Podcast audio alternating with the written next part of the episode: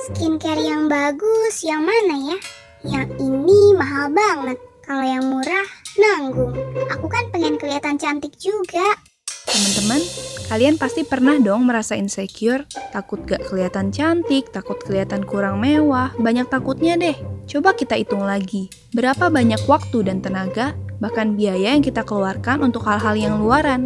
1 Petrus pasal 3 ayat 3 sampai 4 bilang bahwa perhiasan kita bukan mengepang-epang rambut, memakai perhiasan emas, atau pakaian yang indah-indah, tetapi perhiasan kita adalah manusia batinia yang tersembunyi yang sangat berharga di mata Allah.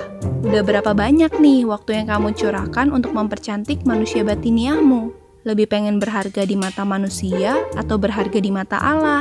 Yuk kita percantik manusia batiniah kita dengan membaca Alkitab, menyesap kekayaan perkataannya yang menjadi susunan batin kita.